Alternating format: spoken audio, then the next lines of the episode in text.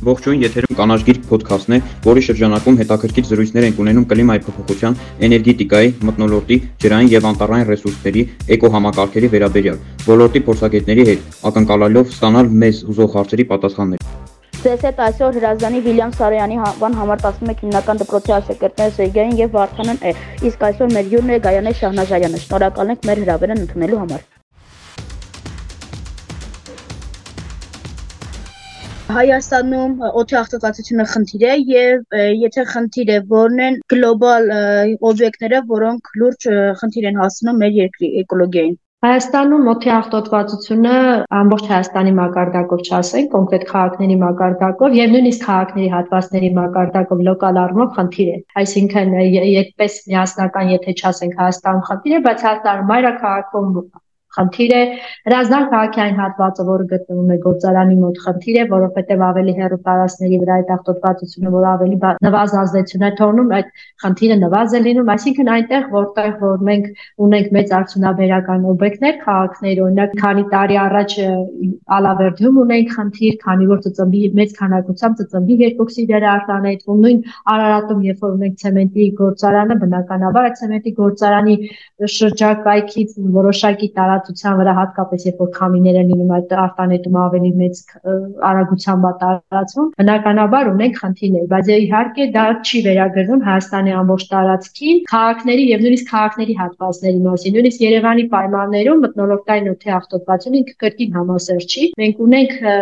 նմուշարիչներ տեղադրված Երևան քաղաքի 45 տարբեր հատվածներում կոչվում են пассив նմուշարիչներ դա մեզ թույլ է տալիս հասկանալու այդ անհամասեռությունը կոնկրետ ազոտի երկու օքսիդի պարագայում այդ դիտարկումները ցույց տվեցին, որ իհարկե սпасելի էր, որ կենտրոնական հատվածներում շատ ավելի պետք է լինի, բայց մեր դիտարկումները եւս դրանք փաստեցին, որ կենտրոնի հատվածում մշտական ունենք ախտոտվածության այդ քարտեզային բաշխման տեսանկյունից որ ասենք կարմիր վառվող կետեր, որտեղ միշտ ախտոտվածությունը բարձր է։ Իսկ ծայրամասերում ավելի այգիների մոտիկ ավելի պակաս բանուկ հատվածներում բնականաբար աղտոտվածությունը ցածր է լինում։ Բայց իհարկե օթի աղտոտվածությունը ի տարբերություն շատ այլ աղտոտման տեսակների ինքը տարածվելու հատկություն ունի, քամին հատկապես Երևան քաղաքում, երբ որ քամիները մշտական են լինում, այդ աղտոտվածությունը մի տարածքից մի տարածք արագ տեղափոխվում է եւ ոչ միայն Հայաստանի տարածքում, այլ նաեւ այսօր Հայաստանը անդամակցում է անդրսահմանային օթի աղտոտվածության կոնվենցիային, որով բոլոր երկրներն են պարտավորություն վերցնել այդ անդրսահմանային օդի աղտոտվածության տեղափոխման մասին մտածելու, որովհետև եթե մեր հարևան երկիրը ունի օթի աղտոտվածություն միայն այդ քամիների միջոցով ոնց որ մենք տեսնում ենք եղանակը երբ որ ամպը բերում է մեկ այլ տարածքից մեկ այլ տարածք դա մեր համար տեսանելի է նույն ձևով այդ այդ օթային հոսանքների միջոցով տեղափոխվում է նաև օթի աղտոտվածությունը մենք այդպիսի օրինակ տեսել ենք օրինակ եթե չեմ սխալվում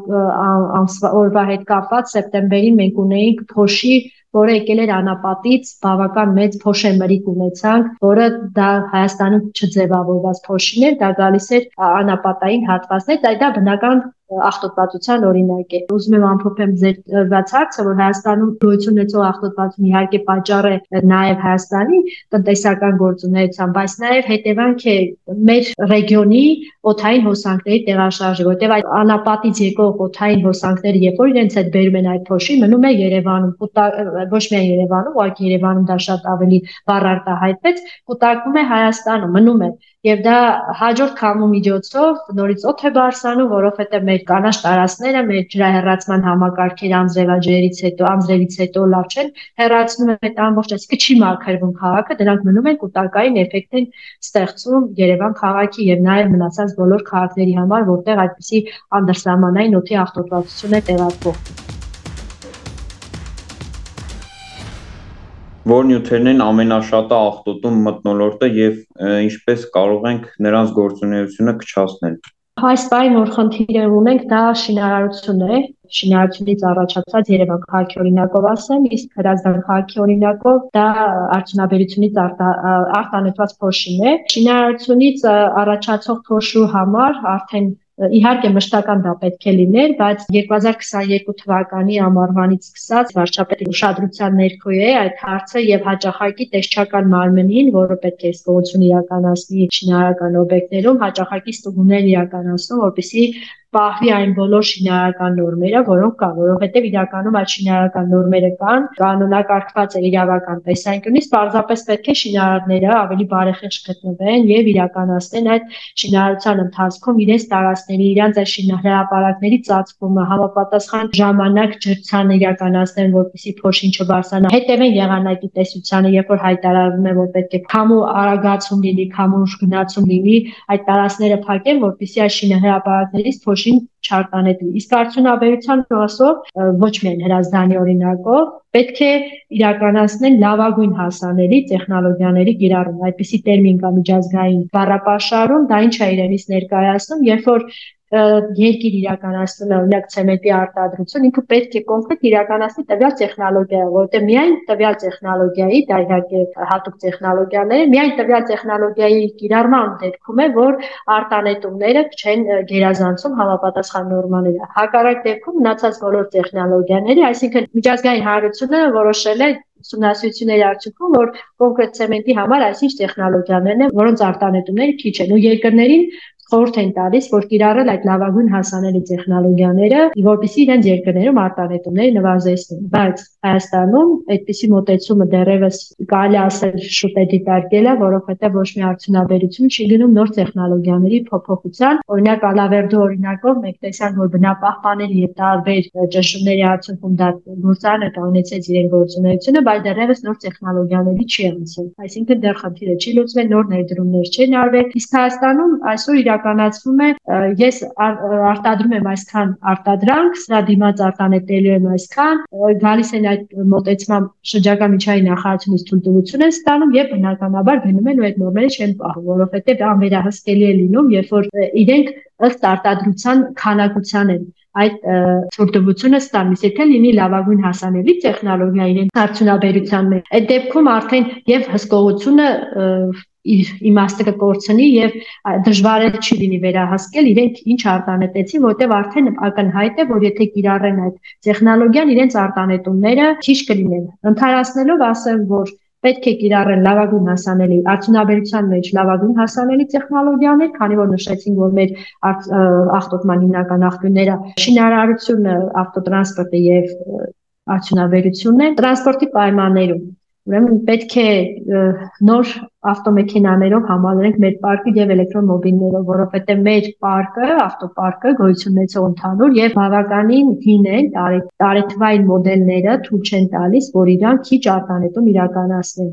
Երկիրը պետք է անցնի, եթե հնարավորություն ունենա, էլի կրկին միջազգային պահանջը Եվրո 5 եւ Եվրո 6 ավտոների, որոնք կրկին ինչպես արդյունաբերության դեպքում երաշխավորում է ցածր արտանետում են։ Հակառակ պարագայում այս մեր ավտոների շուկայում գոյություն ունեցող, մեր առօրյայում գոյություն ունեցող ավտոները սկսած 2000 թվից եւ ավելի 2000 նույնիսկ հիմա 10-ն ասում 10-ից ներքև ավտոները չեն ապահովելու ինչ էլ որ կիրառեն, ինչպիսի գազը կիրառեն, ինչպիսի բենզինը կիրառեն, չեն ապահովելու այն նվազագույն արտանետումների շեմը։ Իսկ մեքենաները բոլորս գիտենք, որ նվազեցնել չենք կարող, որովհետեւ բոլորս ուզում ենք մեքենա քշել։ Այսինքն պետք է գնանք մեր ավտոտրանսպորտային պարկը նորացնելու ճանապարհով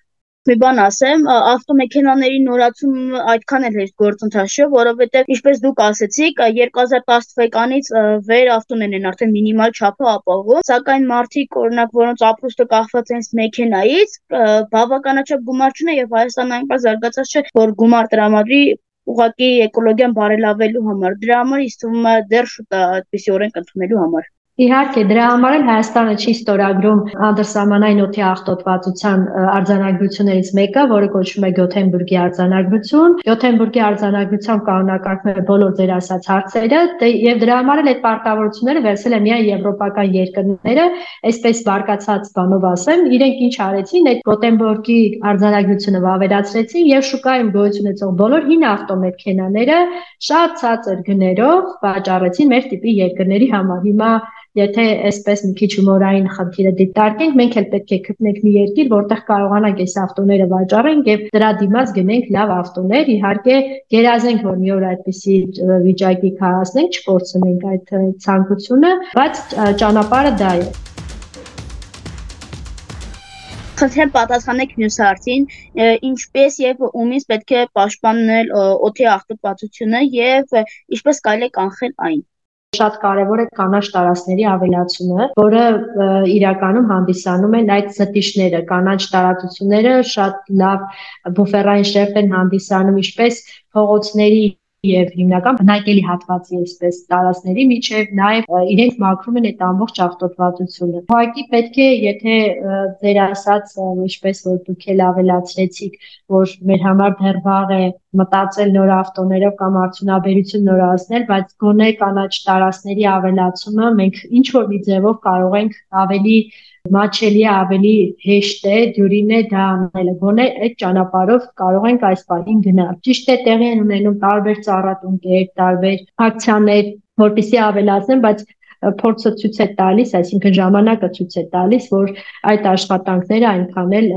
ինտենսիվ չեն եւ ավելի մեծ ինտենսիվություն է պետք, ավելի մեծ պատասխանատվությամբ իրականացնել այդ աշխատանքները, որպեսզի ավելի կար ժամկետում այդ անտառային կանանչ ընդհանուր առմամբ էլ այդ անտառածած տարածքները, ծառածած տարածքները մեծացնենք, որպեսզի նվազեցնենք մթնոլորտային օդի աղտոտվածությունը։ Կոնկրետ այս հիվանդությունների թվի շատացումը, որ մեր մոտ սեզոնում տարբեր գրիպային ու բան շատ են, դա էլ է մթնոլորտային մթնոլորտային աղտոտվածության հետևանք մասամբ, որովհետև այդ աղտոտվածությունը նպաստում է, որպեսզի դրա միջոցով դրա մակերեսին այդ բացիներն ավելի արագ տարածվեն, քան մաքուր օդում է դա տեղի ունենում։ Դա պետքին առողջապահական համաշխարհային կազմակերպության կողմից հաստատված հետազոտություններ են, դրա համար գոնե այդ ճանապարհով պետք է գնանք։ Շնորհակալություն շատ հարցին պատասխանելու համար։ Գայանե Շահնազարյան, նորից շնորհակալ ենք հետաքրքիր զրույցի համար։ Համոզված ենք, որ ոչ միայն մենք, այլև մեր ունկնդիրները շատ նոր բաներ բացահայտեցին այս հաղորդման շրջանակում։ Դե իսկ մենք հիշեցնենք, որ եթերում կանաչկիր ոդքասթ է։ Մենք հասանելի ենք գրեթե բոլոր հարթակներում, այնպես որ բաժանորդագրվեք ոդքասթին։ Նոր հաղորդումներ բաց չթողելու համար։ Իսկ մենք հանդիպենք շատ շուտով։